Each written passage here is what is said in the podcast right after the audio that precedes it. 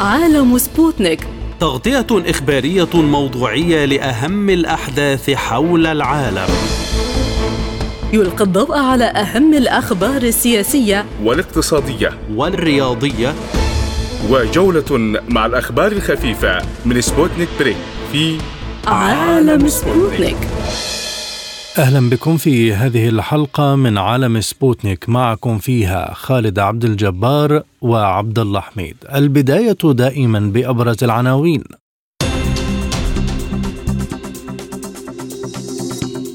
إسرائيل تعلن مقتل خمسة من جنودها وتدعو إلى إخلاء خمس مناطق في غزة واليونيسيف تقول قطاع غزة أخطر مكان في العالم للأطفال والنظام الإنساني ينهار الولايات المتحدة تتخطى الكونغرس وتسمح ببيع طار لقذائف دبابات لصالح إسرائيل وانتقادات حادة للفيتو الأمريكي في مجلس الأمن. إسرائيل تهدد بضرب حركة أنصار الله والحركة تعلن أنها ستمنع مرور أي سفينة من أي جنسية متجهة إلى إسرائيل في البحرين الأحمر والعربي. إيران تحذر من جديد بخروج الوضع عن السيطرة في المنطقة ما دامت أمريكا تدعم جرائم إسرائيل. الخارجية الروسية تجدد حديثها عن السلام في أوكرانيا وتحدد الشروط اللازمة لتحقيقه. إلى التفاصيل. أعلن الجيش الإسرائيلي عن مقتل خمسة من جنوده توفي أحدهم متأثرا بجراحه التي أصيب بها في السابع من أكتوبر الماضي وأربعة منهم قتلوا خلال المعارك في جنوب قطاع غزة. وبذلك يرتفع عدد الجنود الإسرائيليين الذين قتلوا منذ بدء العملية البرية ضد حركة حماس في قطاع غزة إلى 97 كان رئيس الوزراء الإسرائيلي بنيامين نتنياهو أكد خلال اتصال هاتفي مع الرئيس الأمريكي جو بايدن أن العملية العسكرية في خان يونس جنوب قطاع غزة سوف تستمر بين ثلاثة إلى أربعة أسابيع أي إلى مطلع عام 2024 وهو ما يلقى اعتراضا في واشنطن. في الوقت نفسه أصدر الجيش الإسرائيلي تعليمات لسكان جباليا والشجاعية والزيتون والبلدة القديمة في غزة لإخلاء أماكن تواجدهم. من جانبه انتقد متحدث باسم منظمة الأمم المتحدة للطفولة اليونيسيف إهمال العالم لما يحدث في قطاع غزة مقارنة بالاهتمام بأوكرانيا. وقالت المديرة الإقليمية لليونيسيف في الشرق الأوسط وشمال إفريقيا أدي الخضر إن قطاع غزة هو أخطر مكان في العالم بالنسبة للأطفال وسط العدوان الإسرائيلي على القطاع. وأضافت خضر أن القيود والتحديات المفروضة على إيصال المساعدات المنقذة للحياة إلى قطاع غزة هي حكم آخر بالموت على الأطفال مشيرة إلى أن كميات المساعدات التي يتم إدخالها ليست كافية على الإطلاق مقارنة بمستوى الحاجة. وقد أسفرت عمليات القصف الإسرائيلي عن مقتل نحو 18 ألف شخص أكثر من ثلثيهم من النساء والأطفال وفق آخر حصيلة صادرة عن وزارة الصحة في غزة. من القاهرة ينضم إلينا الإعلامي الفلسطيني جمعة أبو شومر. أهلا بك جمعة. هل يمكن إخلاء المناطق التي دعت إسرائيل لإخلائها؟ بداية أهلا بكم وأحييكم في راديو سبوتنيك ولكل مستمعينك الكرام. طبعا الأوضاع الإنسانية جدا صعبة. إسرائيل تستخدم يعني كل وسائل القوة المفرطة فهذا بالتأكيد سيجبر الناس المدنيين على البحث على أماكن أقل خطرا والبحث على الأماكن التي يستطيع بها يعني البحث عن قوت يومه وحياته اليومية. فبالتاكيد بالقوة ممكن أن إسرائيل تستطيع أو تنجح بفرض ذلك لكن على المدى البعيد هل تستطيع إسرائيل أن تحقق انجازا في هذه النقطة بتهجير كافة سكان قطاع غزة؟ أعتقد أن هذا لن يحدث. هل أصبح العالم عاجزا عن إيقاف هذه الكارثة الإنسانية برأيك؟ ربما العالم ينقسم إلى أكثر من قسم. يعني هناك المحور الذي يدعم إسرائيل مطلقا وعلى رأس الولايات المتحدة الأمريكية وهي التي تتحكم في هذا العالم اقتصاديا وتتحكم بالقوة وبالهيمنة. فأمريكا الوحيدة التي تستطيع أن توقف هذه الحرب إذا قالت لإسرائيل يجب أن تتوقفي عن هذه المجازر عن هذه المذابح. ستتوقف إسرائيل فورا. لكن في في في في الفيتو الأخير الذي فرضته الولايات المتحدة الأمريكية في مجلس الأمن ليفشل إصدار قرار وقف الحرب على قطاع غزة هذا يعطي ضوءا أخضر مطلقا لإسرائيل بأن تستكمل هذه الحرب الشرسة العدوانية التي ممكن أن نصفها بالنازية على الشعب الفلسطيني آه، بهذه القوة بمعنى أنه لا رادع لإسرائيل على كل المجازر التي ارتكبت ومعها الصلاحية المطلقة أن تستكمل بوتيرة ربما أعلى حسب ما تشير كل المؤشرات آه، الدولية وخصوصا بعدما ذكرت سابقا الضوء الأخضر الذي تعطيه الولايات المتحدة الأمريكية آه، لإسرائيل. فهناك أيضا مصالح في المنطقة سواء في بعض الدول العربية في بعض محاور الإقليم. لا تريد أن تضر بمصالحها مع الولايات المتحدة الأمريكية في أن تشكل ضغطا أكبر من الضغط الموجود الحالي لأنه ما يجري هو ضغط مجرد لحفظ ماء الوجه على المستوى سواء الدولي أو العربي. كيف يمكن إدخال المساعدات مع مطالبات غالبيه دول العالم بذلك آخرهم المستشار الألماني؟ قضية المساعدات هذه الجزئية يعني آه، تتعلق ب آه، أن الولايات المتحدة الأمريكية، ألمانيا، بريطانيا، كل المحور الذي دعم إسرائيل مطلقا أصبح يطالب بإدخال المساعدات بوتيرة أعلى من السابق، لماذا؟ لأنه ما يجري في قطاع غزة من مذابح واستهداف وتجويع وحصار أصبح يحرك شعوب العالم. وشعوب العالم عندما تحركت شكلت ضغطا على هذه الدول الحلفاء لإسرائيل. فهذا الضغط للبحث عن مخرج من هذا الضغط فبدأت هذه الدول بالتصريح في إطار آخر يتعلق فقط بهدى إنسانية لو لاحظت وأيضا بموضوع الضغط على إسرائيل بإدخال أكبر كميات من الشاحنات شاحنات المساعدات إلى قطاع غزة. فهذه يعني دعني أقول المحور الذي يستطيع دول الغرب وعلى رأسهم الولايات المتحدة الأمريكية أن يضغطوا على إسرائيل في مقابل أن لا آه، يشكلوا ضغطا لوقف هذه الحرب لأن هذه الدول لا تريد وقف هذه الحرب. والدليل على ذلك في بدايات الحرب لو لاحظت أن كانت هناك زيارات لوزراء خارجية بعض هذه الدول الأوروبية والولايات المتحدة الأمريكية. نتنياهو لعب دورا بما يتعلق بمحاولة خلق فزاعة لهذا العالم الغربي وهو أن آه، وجود حماس والمقاومة في قطاع غزة إن لم يستطع أن يقضي عليها نتنياهو سينطلقون ليشكلوا تهديدا لهذه الدول.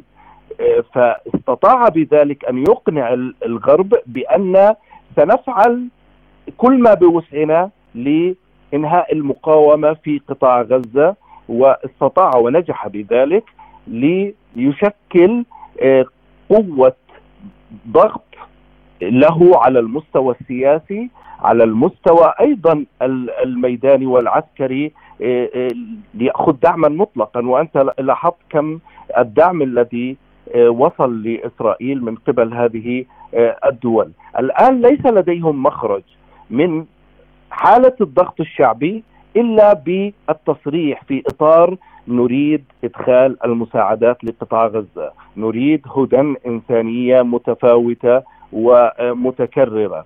لو لاحظت جميع هذه الدول تصرح بهذا الإطار ربما الموقف الوحيد الذي تغير هو موقف آه، آه، فرنسا. يعني كان آه، في بداية الحرب دعما مطلقا الآن اختلف.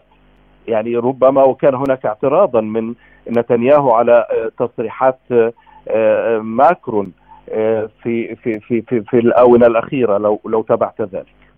هناك ردود فعل بتصريحات وبيانات من المنظمات الدولية والأممية مثل يونيسف طبعا، ماذا تفيد كل هذه التصريحات على الواقع الإنساني؟ المنظمات الدولية زي الأمم المتحدة اليونيسف منظمة الغذاء العالمي كل هذه المنظمات منظم منظمة أطباء بلا حدود منظمة الصحة العالمية كل هذه المنظمات هي مجرد منظمات إنسانية ليست صاحبة قرار ولا تشكل ضغطا آه، ربما يعني أنا وصفتها بأنها مكاتب مكاتب فقط إعلامية تصدر تصريحات وبيانات وربما توثق بعض الانتهاكات دون أدنى تأثير في هذا العالم. القرار الأول والأخير هو بالهيمنة الأمريكية على هذا العالم من خلال مجلس الأمن المؤسسة الوحيدة التي تستطيع أن تصدر قرارا. الآن لو أصدرت قرارا بوقف إطلاق النار وإصدار عقوبات ضد إسرائيل ستنجح بذلك. أما عدا ذلك لن ينجح. مجرد كل إنسان يبحث عن صورة لحفظ ماء وجهه فيما يجري في قطاع غزة. ما يجري آه، هي أسوأ من مراحل ازدواجيه المعايير. هي إبادة جماعية بكل معنى الكلمة. فعندما يفشل مجلس الأمن اللي هو المؤسسة الدولية الرسمية المسؤولة عن أمن هذا العالم يفشل في أن يوقف إبادة جماعية ضد شعب مدني وأطفال بمعنى أن هناك هيمنة مطلقة للولايات المتحدة الأمريكية على هذا العالم ولم يستطيع أحد مهما صرح. لو تابعت من أول لحظة في هذه الحرب لحد الآن ونحن ندخل في اليوم الخامس والستين على التوالي لهذه الحرب على قطاع غزة أكثر من شهرين كل التصريحات هل استطاعت أن آه، تشكل ضغطا على إسرائيل؟ نهائيا الوحيد الذي يستطيع أن يشكل ضغطا الآن لو أخذ قرارا بايدن بوقف هذه الحرب ستنتهي هذه الحرب وتتوقف كل هذه المجازر. هل بالفعل يوجد خلاف بين أمريكا وإسرائيل حول استمرار الحرب لشهرين قادمين؟ ايا كانت الخلافات. وأنا أقولها وقلتها دائما. ايا كانت الخلافات بين الولايات المتحدة والأمريكية ربما تكون خلافات يعني شكلية تتعلق ببعض الأمور كيفية إدارة الحرب كيفية ما هو الوقت الزمني لكن لن تستطيع لا إسرائيل ولا الولايات المتحدة أن يتعارضا في الهدف من هذه الحرب. ولن تقبل الولايات المتحدة بأن تلزم إسرائيل بوقف الحرب إذا لم يتحقق الهدف من هذه الحرب. وأعلن بايدن وأعلنت الولايات المتحدة الأمريكية وعلى لسان البيت الأبيض بأن هذه الحرب لن تنتهي إلا بإعادة جميع الرهائن وانتهاء سيطرة حماس على قطاع غزة. بمعنى أصبح واضحا لم تحدد وقتا زمنيا. كل ما يصار في الإعلام هو مجرد تبادل للأدوار لمحاولة الهروب من الضغط ضغط الشعوب سواء شعوب الولايات المتحدة الأمريكية أو الشعوب الأوروبية لأنها هي أكثر الشعوب التي تؤثر ضغطا على الولايات المتحدة الأمريكية وعلى إسرائيل.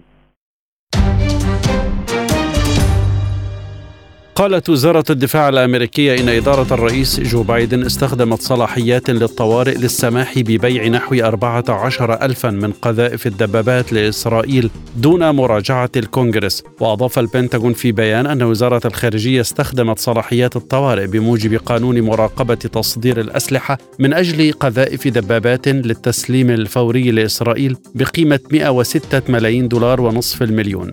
وقيمة الحزمة الأكبر تتجاوز 500 مليون دولار وتشمل 45 ألف قذيفة لدبابات مركافا الإسرائيلية التي يتم نشرها بانتظام خلال الهجوم الإسرائيلي على غزة الذي أودى بحياة آلاف المدنيين. ومع احتدام الحرب تخضع كيفية ومكان استخدام الأسلحة الأمريكية في الصراع لمزيد من التدقيق على الرغم من أن المسؤولين الأمريكيين يقولون إنه لا توجد خطط لوضع شروط على المساعدات العسكرية لإسرائيل أو النظر في حجب بعض منها. وعبر مدافعون عن حقوق الإنسان عن قلقهم إزاء عملية البيع قائلين إنها لا تتماشى مع جهود واشنطن للضغط على إسرائيل للحد من الخسائر في أرواح المدنيين. وكشف تحقيق لرويترز أن طاقم دبابة إسرائيلية قتل الصحفي في رويترز عصام العبد الله وأصاب ستة صحفيين في لبنان بإطلاق قذيفتين في تتابع سريع من إسرائيل بينما كان الصحفيون يصورون قصفا عبر الحدود. كانت الانتقادات قد انهالت على الولايات المتحدة بعد أن أفشلت مشروع قرار في مجلس الأمن يطالب بوقف إطلاق النار بعد تفعيل الأمين العام للأمم المتحدة أنطونيو غوتيريش للمادة التاسعة والتسعين من ميثاق المنظمة حيث استخدمت واشنطن حق النقد لرفض القرار الذي وافقت عليه 13 دولة وامتنعت فقط المملكة المتحدة عن التصويت. وعقب استخدام واشنطن لحق النقض انهالت الانتقادات الدولية ضد الإدارة الأمريكية. حيث قال لويس شاربونو مدير مكتب الأمم المتحدة في هيومن رايتس ووتش في بيان إن الولايات المتحدة تخاطر بالتواطؤ في جرائم الحرب. وكذلك انتقد أبي ماكسمان الرئيس والمدير التنفيذي لمنظمة أوكسفام أمريكا القرار قائلا إن حق النقض يضع مسمارا آخر في نعش مصداقية الولايات المتحدة في مسائل حقوق الإنسان. وقالت تانيس كالامار الأمينة العامة لمنظمة العفو الدولية من خلال استخدام حق النقد ضد القرار أظهرت الولايات المتحدة تجاهلا قاسيا لمعاناة المدنيين في مواجهة عدد مذهل من القتلى والدمار الواسع النطاق والكارثة الإنسانية غير المسبوقة في غزة. وقالت في بيان لقد استخدمت الولايات المتحدة حق النقد بوقاحة واستخدمته كسلاح لتقويض مجلس الأمن مما أدى إلى تقويض مصداقيتها وقدرتها على الوفاء بتفويضها للحفاظ على السلام. كما أدانت منظمة أطباء بلا حدود الفيتو الأمريكي وقالت في بيان باستخدام حق النقض ضد هذا القرار تقف الولايات المتحدة وحدها في الإدلاء بصوتها ضد الإنسانية من لندن ينضم إلينا عبد الباري عطوان الكاتب الصحفي أستاذ عبد الباري لماذا تقدم إدارة بايدن اذا كل هذا الدعم ولا تخشى كل هذه الانتقادات؟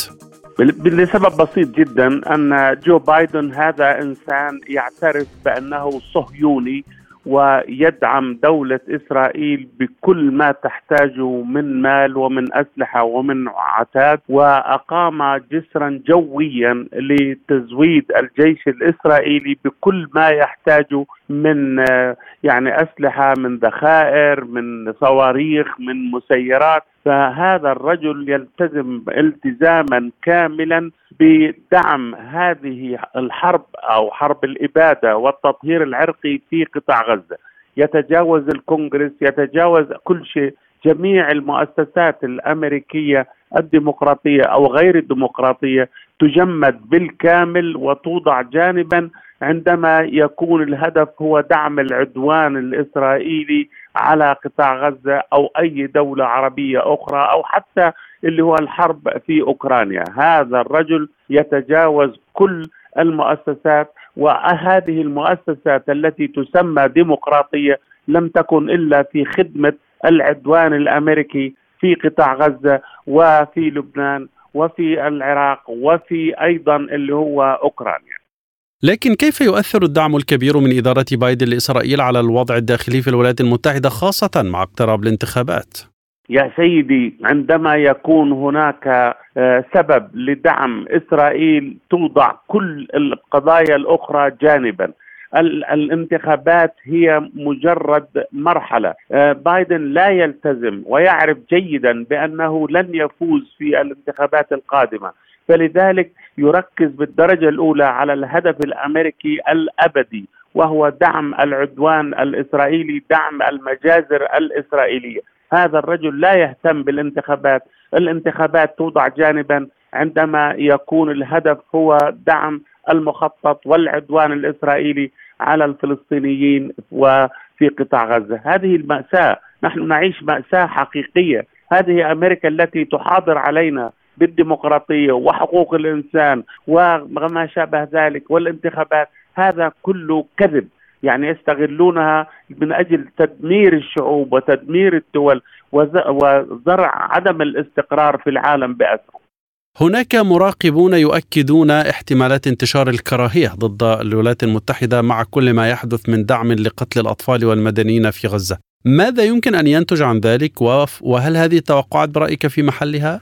يا سيدي أمريكا لا تهتم بحقوق الإنسان، عندما يكون الضحية غير أمريكي لا يهمهم على الإطلاق، متى احترمت أمريكا حقوق الإنسان؟ أمريكا أول دولة في العالم استخدمت الأسلحة النووية في هيروشيما وناجازاكي. أمريكا هي التي دمرت فيتنام. أمريكا هي التي غزت العراق واحتلته. أمريكا هي التي تضع سوريا تحت الحصار وأكثر من 25 مليون سوري يواجهون الجوع، أمريكا هي التي دمرت لبنان، هذا لبنان لم يعد دولة على الإطلاق، أمريكا هي التي تقف الآن مع الإبادة التي تتم في قطاع غزة لأكثر من شهرين وتترك الشعب الفلسطيني يواجه الموت يواجه الجوع وتقدم كل أسباب القوة والأسلحة لدولة الاحتلال الإسرائيلي. فأمريكا لا يهمها هذا أكبر أكذوبة في التاريخ الديمقراطية الأمريكية حقوق الإنسان الأمريكية.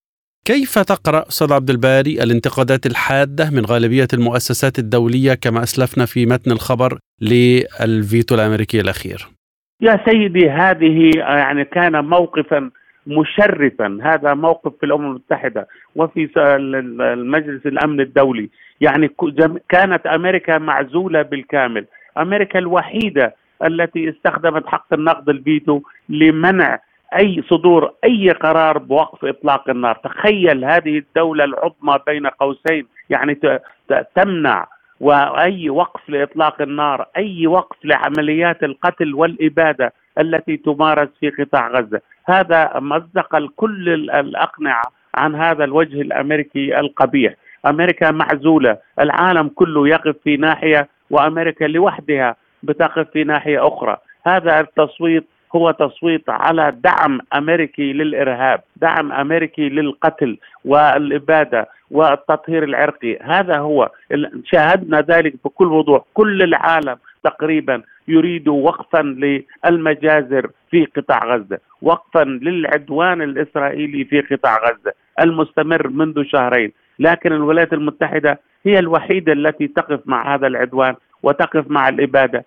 ويعني هذا التصويت فضحها أمام العالم بأسره وهذه هي الحقيقة. وعلى العالم أن يتحرك لفرض وقف إطلاق النار بكل الطرق وكل الوسائل. يكفي إبادة يكفي أكثر من 20 مليون 20 ألف فلسطيني استشهدوا بهذا القصف الأمريكي الإسرائيلي. أمريكا مشاركة فعليا في هذه الحرب.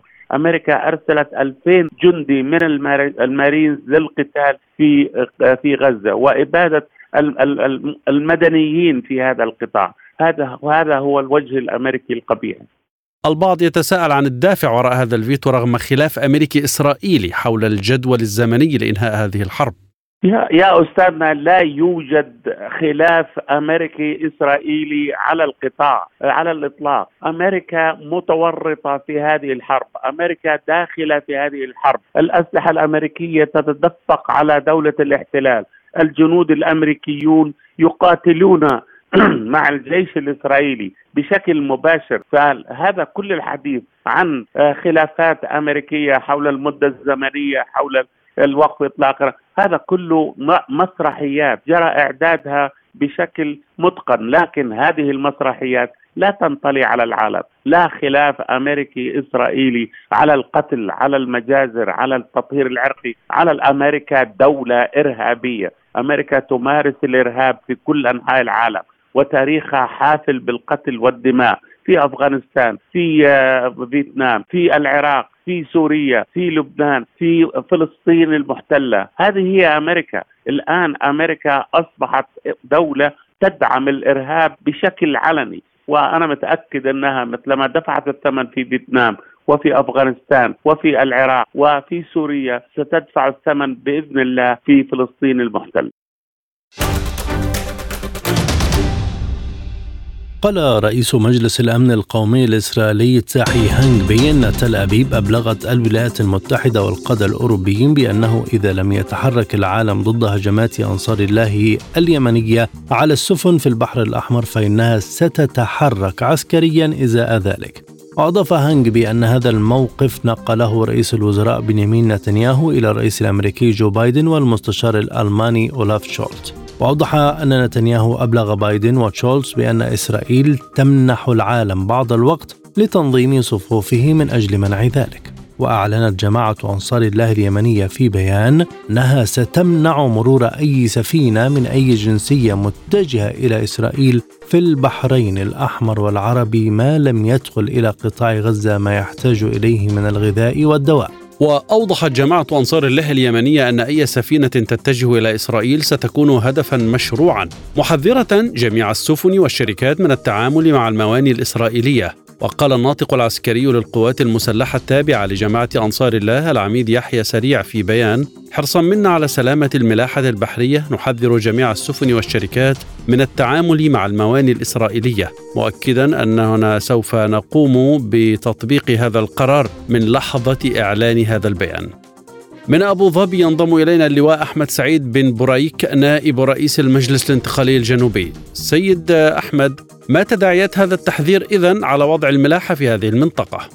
يا سيدي هذه هي ذراع لإيران، ذراع إيران في اليمن، وبالتالي لا يمكن أن يكون لهم تحرك إلا وأيادي إيران خلفهم تدعمهم بالسلاح والصواريخ والطائرات المسيرة. وهذا اللي آه، أصبحت قوتهم مش تهدد فقط الملاحة هي رسالة لدول الخليج والمملكة العربية السعودية لأنه نحن أقوياء موجودين على الأرض. وطبعا آه، هذه التحذيرات وهذه الأنشطة تتوازى مع أنشطة اذرع إيران في المنطقة الشرق الأوسط كلها في لبنان في العراق في سوريا وفي آن واحد. طبعا التهديد للملاحة الناس تفتكر إنه ده دعما لغزة. لا هو دعما لإسرائيل وأمريكا. بغرض التواجد في مضيق باب المندب بصفة دائمة تحت مبرر حماية المضيق وحماية الملاحة آه، والتجارة الدولية على البحر الأحمر وخليج عدن وكذا يعني آه، نلاحظ أنه هذه التوجهات هي مقصودة والغرض منها طبعا موجه أكثر ما على أمريكا وعلى إسرائيل هو موجه على دول الخليج بطريقه أساسية. لكن هل يمكن لإسرائيل توجيه ضربات وفتح جبهة أخرى مع أنصار الله في اليمن؟ أنا أتابع الموقف ولاحظت التهديدات أيضا القابلة إسرائيل أن ستوجه ضربات لإسكات هذا السيناريو والفيلم الكبير الذي يعد شرق الأوسط وتنفذه إسرائيل ومن خلفها الدول الكبرى مثل فرنسا وبريطانيا وأمريكا وغيرها من الدول الغربية. هو الهدف درجة أساسية تنفيذ عملي لمشروع الشرق الأوسط الكبير. وأيضا من أجل تنفيذ أجندة أخرى تتعلق بالتواجد داخل منطقة الشرق الأوسط وعرقلة مسار الدول العربية مثل جمهورية مصر عندما شهدت نوع من الإقرار والأمن داخلها وأيضا تهديد دول الخليج على اعتبار نوع من أنواع الاستعمار الجديد الذي يفرض الآن بالقوة. بالنسبة لحركه السفن، هل تمر الكثير منها في هذه المنطقة التي تسيطر عليها أنصار الله؟ يعني هو في حسب الإحصاءات اللي موجودة لدى العالمين آه، علوم البحار أنه يتجاوز من 80 إلى 100 سفينة في اليوم اللي هي تمر آه، ذاهبة ذهابا وايابا آه، على مضيق باب المندب وأغلبها سفن التجارية حاملات النفط الخام كيف يمكن أن تتحقق أنصار الله من هوية السفن التي تمر إلى إسرائيل؟ يا أخي عملية بسيطة جدا. الآن كل شيء توجده بجوجل تدخل آه، أنواع السفن اللي مرة وتحدد لك هويتها زي زي الطيارات المدنية الموجودة في العالم. أيضا أيضا لديها خبراء إيرانيين يعملوا في هذا الاتجاه متخصصين في هذا الجانب. عملوا كثيرا الخليج العربي من خلال موانئ آه، إيران أيام الحرب مع العراق وغير العراق. أنت أشرت إلى أن هذا التحرك من قبل أنصار الله وداعميها هدفه زعزعة أمن الخليج كيف سيكون رد الفعل من قبل الخليج إذن؟ والله نحن نستغرب أيضا إنه آه، في الآن آه، خارطة الطريق والتعهدات الخاصة بالسلام بين أنصار الله والمملكة العربية السعودية باعتبار إنه يجري على قدم وساق لتوقيع هذه الاتفاقية بين أنصار الله والمملكة العربية السعودية والشرعية التي هي أضعف مما من أي وقت كان غرض تنفيذ أجندة الحوثيين وشروطها. وهذا الكلام الآن آه، أتوقع أنه يتم التوقيع على حسب المؤشرات اللي موجودة أمامنا. إنها تتم في نهاية هذا الشهر آه، قبل أي شيء. حتى إنه آه، مسموع بوسائل الإعلام المختلفة انه المملكة العربية السعودية تنصح الولايات المتحدة بعدم توجيه ضربات الحوثيين حتى لا يتم عرقلة الاتفاق المزمع تنفيذه خلال المرحلة القادمة وعلى حساب الجنوبيين والجنوب العربي.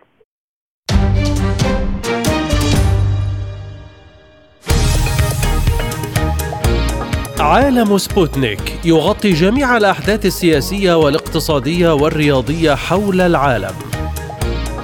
على مدار ساعة تتابعون عالم سبوتنيك مع أهم خبراء التحليل السياسي والاقتصادي. نقترب معكم في متابعة دقيقة من القضايا السياسية والاقتصادية، كما نستعرض أهم الأخبار الرياضية والفنية والبيئية.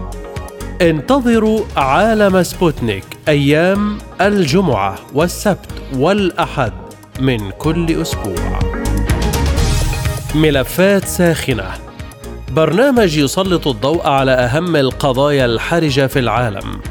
في ملفات ساخنة نستعرض القضايا مع جميع الأطراف ومن كل الزوايا لاستجلاء الحقيقة. ملفات ساخنة يستضيف أهم الخبراء وأجرأ الضيوف تابعوا ملفات ساخنة مع راديو سبوتنيك أيام السبت والثلاثاء والخميس من كل أسبوع. الآن إلى جولة من الأخبار حول العالم. قال الرئيس الروسي فلاديمير بوتين إن جميع محاولات الغرب لدفع روسيا إلى الخلف وإضعافها بكل الطرق والوسائل أثبتت فشلها ولن تنجح. وأكد الرئيس الروسي خلال محادثات مع المشاركين في حفل يوم أبطال الوطن الذي أقيم في مبنى الرئاسة الروسية أنه بعد إبرام اتفاقية مينسك عام 2014 أكدت أوكرانيا والغرب استعدادهما لتنفيذها لكن المستشار الألماني السابق والرئيس الفرنسي السابق قال علنا لم نفكر حتى في تنفيذها لقد وقعنا فقط لإعداد أوكرانيا للأعمال القتالية. وأكد بوتين أن الدول الغربية مستعدة للتعاون مع أي شخص إذا كان ذلك يساعد في إلحاق الضرر بروسيا وأن مستقبل روسيا يعتمد على العمل القتالي للمشاركين في العملية الخاصة. وأشار بوتين إلى أن الجنود في العملية العسكرية الخاصة على خط المواجهة يقاتلون من أجل مستقبل روسيا. صرح ديمتري شيبيليفاتسيف الضابط في المركز الصحفي لقوات مجموعة الغرب الروسية أن طائرات تابعة للمجموعة نفذت 14 هجوما صاروخيا وبالقنابل على نقاط انتشار ألوية القوات المسلحة الأوكرانية بالقرب من خمس مناطق. وقال شيبيليفاتسيف نفذت أطقم الطيران العملياتي التكتيكي 14 هجوما صاروخيا على نقاط الانتشار المؤقتة للألوية الآلية الأوكرانية. رقم 21 و30 و41 و60 ولواء يجرسكي 68 ووحدات الدفاع الإقليمية في عدة مناطق مضيفا أنه خلال المعركة هاجمت مدفعية المجموعة مواقع القوات المسلحة الأوكرانية بالقرب من كيسلوفكا وبريستوفوي ونوفوسيلوفسكي وأورشيشي وكرينيشكي. وكان شيبيليفاتسيف قد صرح أن القوات المسلحة رصدت مجموعتين من المخربين الأوكرانيين وقضت عليهما في اتجاه كوبيانسك في غضون 24 ساعة كما دمرت مدفع هاوتزر 2 إس 3 أعلن الجيش الإسرائيلي مهاجمته لعشرات الأهداف جنوب لبنان واعتراضه جسمين مشبوهين شمال البلاد دون ذكر خسائر بشرية أو عسكرية. وذكرت إذاعة الجيش الإسرائيلي أن عشرة الأهداف في الجنوب اللبناني قد استهدفتها قوات سلاح الجو الإسرائيلي وأنه تم اعتراض جسمين مشبوهين. ونقلت الإذاعة نفسها في تقرير آخر لها عن قيادة الجبهة الداخلية الإسرائيلية انتهاء واقعة الاعتراض دون وقوع خسائر تذكر. أعلنت كتائب القسام الجناح العسكري لحركة حماس الفلسطينية استهداف قوتين إسرائيليتين خاصتين شمال قطاع غزة. ونشرت القسام بيانين على قناتها في تليجرام أشارت في الأول إلى أن عناصرها استهدفوا قوة إسرائيلية متحصنة داخل مبنى بقذيفة أفراد غرب مخيم جباليا شمال قطاع غزة. وأضافت في بيان لاحق أن عناصرها استهدفوا قوة إسرائيلية خاصة راجلة بعبوة أفراد رعدية في جباليا شمال قطاع غزة أيضا. وبينت القسام في بيان آخر أن عناصرها تمكنوا من الإجهاز على قناص إسرائيلي في منطقة الفالوجة شمال قطاع غزة. أعلنت البحرية الفرنسية اعتراض إحدى قطاعها البحرية المنتشرة في البحر الأحمر طائرتين مسيرتين أطلقتا من الأراضي اليمنية. وقالت البحرية الفرنسية في بيان نشرته هيئة الأركان الفرنسية اعترضت الفرقاطة لانغدوغ في البحر الأحمر طائرتين مسيرتين أطلقتا من اليمن ولم يوضح بيان البحرية ما إذا كانت الفرقاطة هدفا للطائرات المسيرة أم لا. يأتي ذلك بعد ساعات من إعلان المتحدث باسم قوات أنصار الله يحيى سريع منع مرور السفن المتجهة إلى إسرائيل في البحر الأحمر. دعا رئيس الوزراء الفلسطيني محمد إشتيا إلى تحقيق عاجل بشأن أفعال إسرائيل في الأراضي الفلسطينية وطالب إشتيا بإخضاع إسرائيل لعقوبات مشيرا إلى أن حجم القتل في غزة غير مسبوق والسكان يتعرضون للتجويع. أكد رئيس الوزراء وزير الخارجية القطري الشيخ محمد بن عبد الرحمن استمرار الجهود الرامية إلى وقف إطلاق النار في قطاع غزة. وأضاف في افتتاح منتدى الدوحة أن الأزمة في غزة أظهرت بوضوح حجم الفجوة بين الشرق والغرب وازدواجية المعايير في المجتمع الدولي معربا عن أسفه أن تكون الذرائع التي تساق حول استهداف المدنيين في القطاع مقبولة لدى البعض. وقال إنه بالرغم من ذلك فالجهود مستمرة مع الشركاء في المنطقة والمجتمع الدولي لوقف إطلاق النار في غزة مؤكدا أن إدانة قتل وحصار المدنيين موقف ثابت لا حياد عنه. قال المفوض العام لوكالة الأمم المتحدة لغوث وتشغيل اللاجئين الفلسطينيين أونروا فيليب لازاريني إن سوء الوضع الإنساني في قطاع غزة يتجاوز أي شيء رآه في حياته بحسب تعبيره. وأضاف خلال كلمته في افتتاح منتدى الدوحة أن وقف إطلاق النار فورا ضروري لإنهاء الجحيم على الأرض في غزة. وقال لازاريني الوكالة على وشك الانهيار هناك ونحذر من انهيار كامل للوضع الإنساني في القطاع. وأضاف أن تجريد الفلسطينيين من إنسانيتهم سمح للمجتمع الدولي بالتسامح مع الهجمات الإسرائيلية المستمرة على غزة. قال وزير الخارجية الأردني أيمن الصفدي إن إسرائيل تصر بالسياسة التي تتبعها على المضي قدما في إخراج أهل غزة من القطاع وطلب من الولايات المتحدة ممارسة ضغوط أكبر عليها. وأضاف الصفدي في كلمة في منتدى الدوحة أن إسرائيل تضرب بعرض الحائط جميع المبادرات وتتجاهل جميع القوانين الإنسانية مطالبا بضرورة امتثالها لقواعد القانون الدولي والقانون الدولي الإنساني. دعا المستشار الألماني أولاف شولتس في محادثة هاتفية مع رئيس الوزراء الإسرائيلي بنيامين نتنياهو إلى تقديم المزيد من المساعدات الإنسانية لسكان غزة، وشدد شولز خلال المحادثة على أنه يجب تسليم هذه المساعدات على أساس موثوق. وذكرت الصحيفة أن نتنياهو أطلع شولتز على الهجوم البري الإسرائيلي ضد حماس في جنوب قطاع غزة وناقش الجانبان الجهود اللازمة لتحقيق أقصى قدر من الحماية للمدنيين وتحسين الوضع الإنساني للأشخاص في قطاع غزة بشكل كبير حسب تعبيره. توجه المصريون إلى صناديق الاقتراع للإدلاء بأصواتهم في الانتخابات الرئاسية لانتخاب رئيس لفترة مدتها ست سنوات تبدأ من أبريل 2024 حتى 2030 يتنافس في الانتخابات التي تجري على مدار ثلاثة أيام من الأحد إلى الثلاثاء. أربعة مرشحين هم الرئيس الحالي عبد الفتاح السيسي ورئيس الحزب المصري الديمقراطي الاجتماعي فريد زهران ورئيس حزب الوفد عبد السند يمامة ورئيس حزب الشعب الجمهوري حازم عمر. وفتحت مراكز الاقتراع أبوابها في التاسعة صباحا بالتوقيت المحلي على أن تغلق في التاسعة مساء على مدار الأيام الثلاثة التي تجرى فيها الانتخابات ويحق لنحو 67 مليون مصري فوق سن الثامنة عشرة التصويت من إجمالي عدد السكان البالغ 104 ملايين نسمة وفق ما ذكرت الهيئة الوطنية للانتخابات في مصر.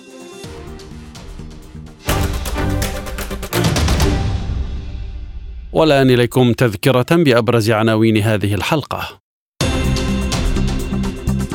إسرائيل تعلن مقتل خمسة من جنودها وتدعو إلى إخلاء خمس مناطق في غزة واليونيسيف تقول قطاع غزة أخطر مكان في العالم للأطفال والنظام الإنساني ينهار.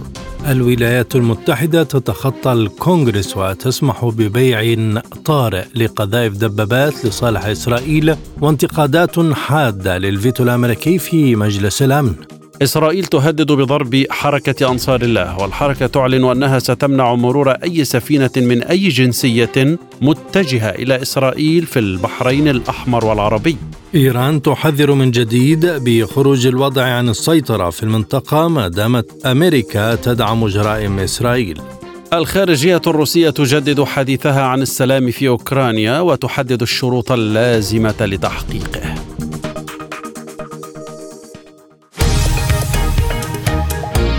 عالم سبوتنيك يغطي جميع الأحداث السياسية والاقتصادية والرياضية حول العالم. على مدار ساعة تتابعون عالم سبوتنيك مع أهم خبراء التحليل السياسي والاقتصادي. نقترب معكم في متابعة دقيقة من القضايا السياسية والاقتصادية، كما نستعرض أهم الأخبار الرياضية والفنية والبيئية. انتظروا عالم سبوتنيك أيام الجمعة والسبت والأحد من كل أسبوع. مساحة حرة برنامج يسلط الضوء على أهم القضايا الاجتماعية والاقتصادية حول العالم. في مساحة حرة تنوع في الآراء وثراء في النقاش.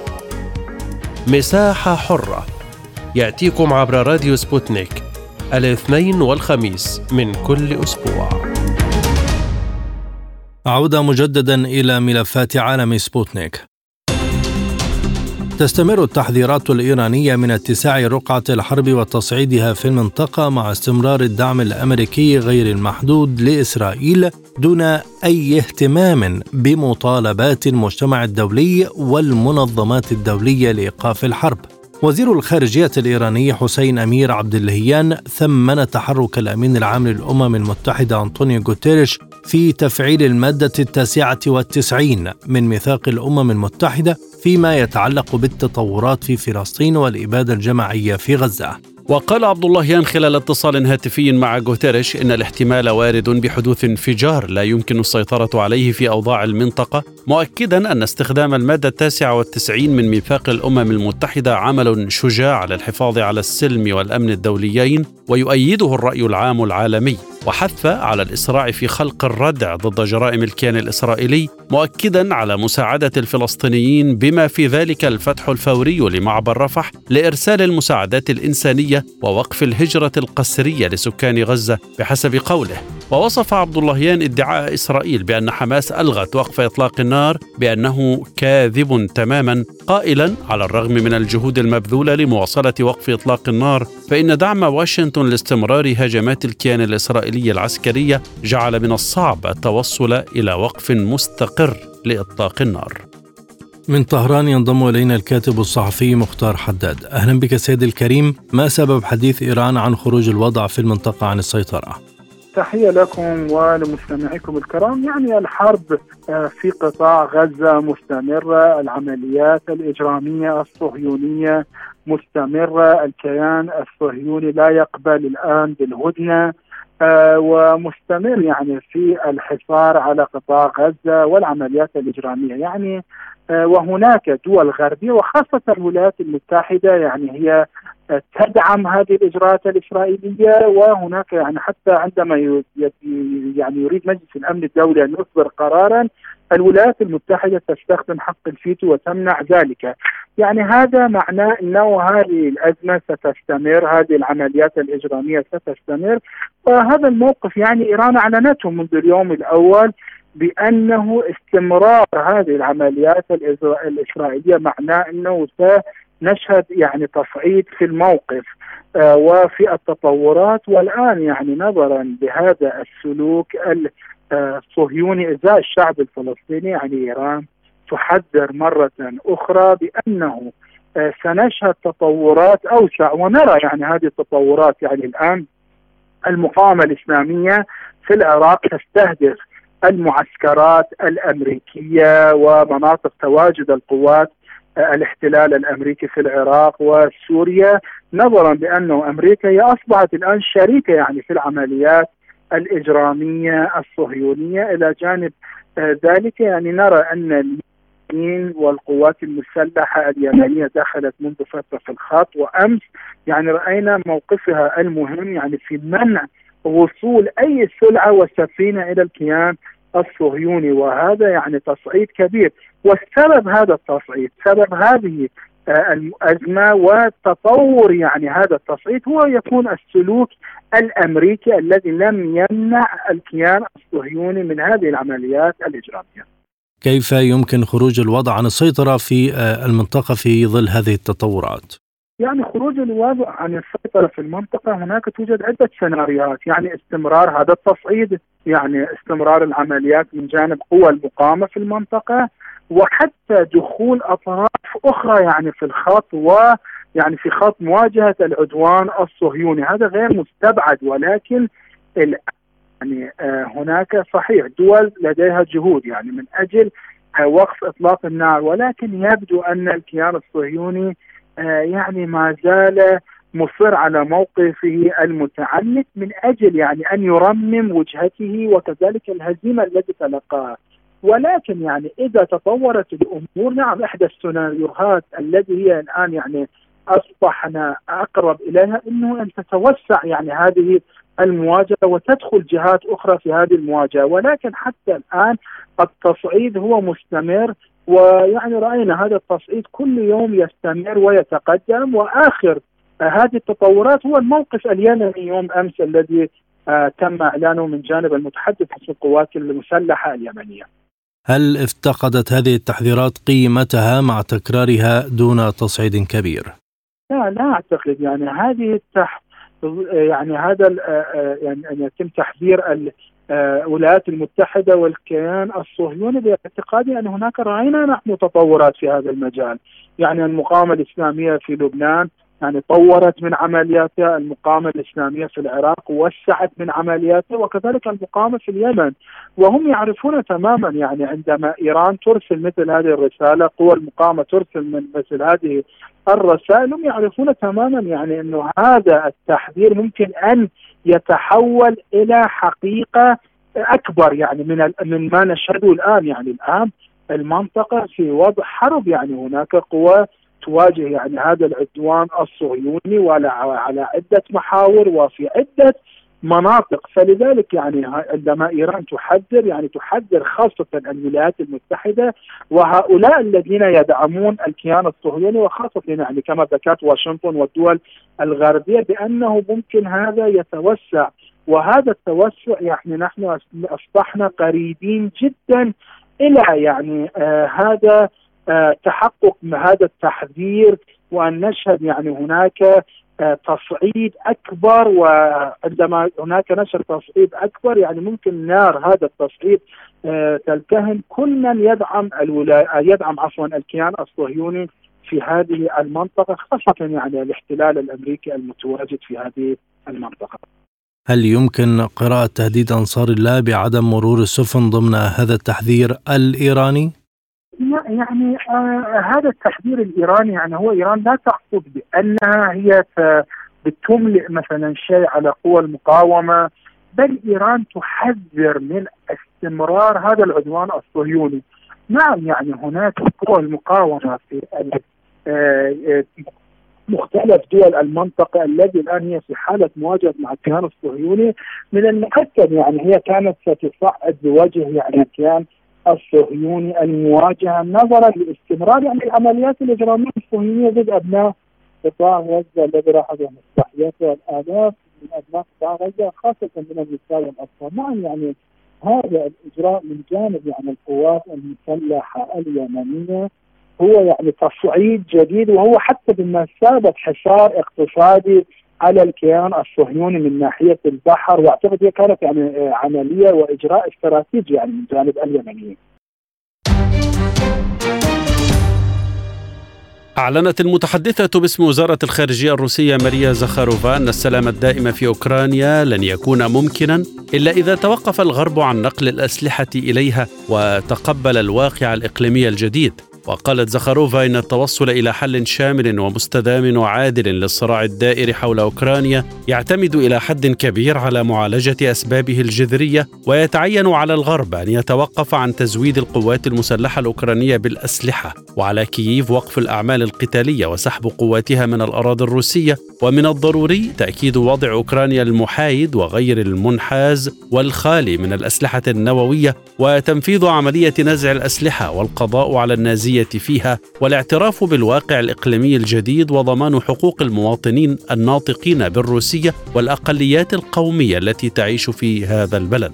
وشد زخاروفا على أن روسيا منفتحة على المفاوضات لكنها أضافت بأن موسكو لا ترى في الوقت الحالي إرادة سياسية في كييف أو في الغرب لإجراء هذه المفاوضات مشيرة إلى أن أوكرانيا تريد من روسيا أن تستسلم. كانت صحف غربية قد ذكرت أن الحكومة البريطانية تسعى لإقناع أوكرانيا ببدء مفاوضات مع روسيا لإنهاء الصراع المستمر منذ فبراير العام الماضي. من بيروت حول هذا الموضوع ينضم إلينا الكاتب والمحلل السياسي السيد ربيع غصن. أهلا بك سيد الكريم. هل التلويح بالحديث عن السلام وعودة المفاوضات مقصود في هذا التوقيت في ظل الخسائر الأوكرانية وتوقف الدعم الأمريكي؟ اولا تحياتي لكم وللمستمعين. أعتقد أن الكلام عن السلام في هذا الوقت يأتي في ظل تراجع القوة الأمريكية في العالم ونظرا للاحتكاك الحاصل والصدام الحاصل على أكثر من جبهة وعلى أكثر من نقطة. نجد هذا الاشتباك الحاصل مع الأمريكي في قطاع غزة. نجد التهديدات التي تتعرض إليها القوة الأمريكية الاستراتيجية في البحر الأحمر والمحيطات المجاورة. كل هذه التهديدات والهواجس تدفع الولايات المتحدة الأمريكية للتراجع على العديد من الملفات ومنها الملف الأوكراني. وبالتالي الولايات المتحدة الأمريكية التي تخوض هذه الحرب على روسيا والاستنزاف الاتحاد الروسي والمحور الذي محور التعددية التعددية القطبية في هذا العالم كل هذه الأمور آه، بكل بساطة لها إشارات واضحة بأن الولايات المتحدة الأمريكية فقدت السيطرة بأن الولايات المتحدة الأمريكية فقدت القوة اللازمة لتحقيق الهدف والغاية التي تريد من خلالها آه، دفع النظام آه، النازي الأوكراني لاستنزاف روسيا لماذا إذا لا يوجد وسيط حقيقي لحل الأزمة في أوكرانيا؟ أعتقد أن العالم منقسم إلى يعني مجموعتين المجموعة التي آه، تحتوي على روسيا الصين وباقي الدول المعارضة للسياسات الأمريكية والدول الملحقة بالمعسكر الأمريكي آه، وأعني فيها أوروبا بكلها وكليلها. لذا نحن اعتدنا وفي خلال الستار مرحلة الستار الحديدي في آه، آه، تسعينيات القرن أو ثمانينيات القرن الماضي وسبعينيات القرن الماضي أن التوازن الدولي هو الذي كان يفرض آه، أن يكون هناك مجموعة محايدة تعمل على رأب الصدع تارة وعلى حل الأزمات تارة أخرى، لكن المرحلة اليوم لا تشبه الأمس، فاليوم العالم منقسم ما بين أمريكا وملحقاتها وما بين آه، الدول التي تعارض الهيمنة الأمريكية في هذا العالم. آه، آه، لذا لا يوجد منتصف بين الاثنين. فالأوروبيون قد حزموا موقفهم وحسموا الأمر بأنهم ملحق للسياسات الخارجية الأمريكية. والدول في كإيران البرازيل جنوب أفريقيا كل هذه الدول التي تنضوي تحت آه، آه، منظمة البريكس مثلا منظمة التعاون لدول شنغهاي كل هذه الدول حزمت أمرها بأنه ينبغي أن يكون هناك مفهوم جديد للعلاقات الدولية مبني على العلاقات البناءة مبني على المفاهيم الجديدة والحديثة التي يمكن من خلالها نسج العلاقات السليمة بين الدول وليس بشكل تسلطي كما تريده الولايات المتحدة الأمريكية. هل يمكن القول أن الدور التركي تراجع مؤخرا في سبيل الوساطة؟ الأتراك في هذه المرحلة هم آه، في حالة ضياع آه، تركيا منقسمة بحد ذاتها وبين المجتمع السياسي التركي هو مجتمع غير متجانس نظرا لحقبة طويلة آه، كانت تركيا تعاني من الضغط والتملك الغربي في جميع سياساتها آه، الاستراتيجية والاقتصادية والسياسية، وبالتالي عندما يقوم الرئيس التركي رجب طيب أردوغان بالتفاهم مع روسيا على عدة نقاط في حيال مثلا القضية السورية، في حيال قضية آه، آه، وسط آسيا، أعتقد أن لتركيا يعني نوعا ما التركيبة غير المتناقضة مع المفاهيم الروسية لحسن الجوار. فتركيا تتطلع آه، أو تنظر آه، إلى المشهد السياسي العالمي وكأنها تريد أن تكون قوة كبرى في هذا العالم على حساب الدول الباقية. آه، هي تريد أن تكون دولة شرق أوسطية ممرا ما بين آسيا وأوروبا لكن نسيت تماما أنها هي تمتلك الموقع الجغرافي فقط ولا تمتلك المقومات التي تمتلكها مثلا روسيا آه، تمتلكها آه، الجمهورية الإسلامية في إيران تمتلكها الصين. وبالتالي هذا النظر على أكبر آه، أكبر من المقومات الجيوستراتيجية لدى تركيا أدى أو دفع تركيا إلى الانتماء أحيانا العودة أحيانا إلى الانتماء الأطلسي والسياسة الهزازة ما بين الاثنين. من هنا أعتقد أن السياسات التركية غير متوازنة وأعتقد أن تركيا كما قال صموئيل هنتينغتون في نظرية صدام الحضارات بأن تركيا دولة هامشية لا تستطيع أن آه، تكون شريكا في رسم الصورة الجديدة لمنطقة الشرق الأوسط. ومن هذا المنطلق آه، أذهب إلى توصيف آخر للكاتب آه، فيليب روبنز عندما يقول مهما حصل مهما آه، ذهبت تركيا وأتت إن تركيا تبقى آه، الحدود الجيوسياسية للاشتباك الشرقي والغربي والحدود الجيوسياسية للستار الحديدي الذي كان يتمثل بحدود ألمانيا الغربية والشرقية ما قبل انهيار الاتحاد السوفيتي. متى يمكن أن تكون هناك رغبة أوكرانية وغربية في مفاوضات جادة؟ لا أعتقد أن الأمريكيين جادين آه، في مسألة السلام في أوكرانيا لأن الحرب تقوم على الأرض الروسية ولا تقوم على الأرض الأمريكية. وحتى الغربيين كالفرنسيين والألمان والبريطانيين يعتبرون أن الشرق الأوروبي هو آه، البيئة المحيطة والنفوذ الروسي الذي تخلى عنه للأسف الرئيس آه، الراحل بوريس يلتسن. وبالتالي آه، إن الحروب التي تجري هناك والعمليات الخاصة التي آه، آه، تخوضها روسيا في أوكرانيا وفي دول أخرى لاحقا تريد من خلالها الولايات المتحدة الأمريكية استنزاف القوى الروسية الاقتصادية والعسكرية. أعتقد أن المسألة هي على الأرض الروسية وهي على الخاصره الروسية وليست في أرض تمتلكها الولايات المتحدة الأمريكية أو الدول الأوروبية التي تساند المحور الأمريكي بكله وكليله، لذا أعتقد أن الأمريكيين مستمرون حتى آخر آه، نازي آه، في أوكرانيا يعني حتى حتى يموت زيلينسكي.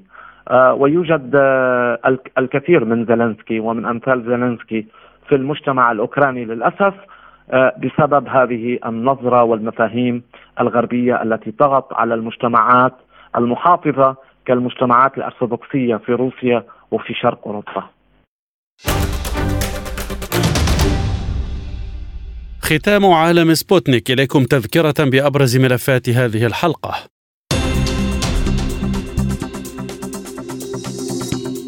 إسرائيل تعلن مقتل خمسة من جنودها وتدعو إلى إخلاء خمس مناطق في غزة. واليونيسيف تقول قطاع غزة أخطر مكان في العالم للأطفال والنظام الإنساني ينهار.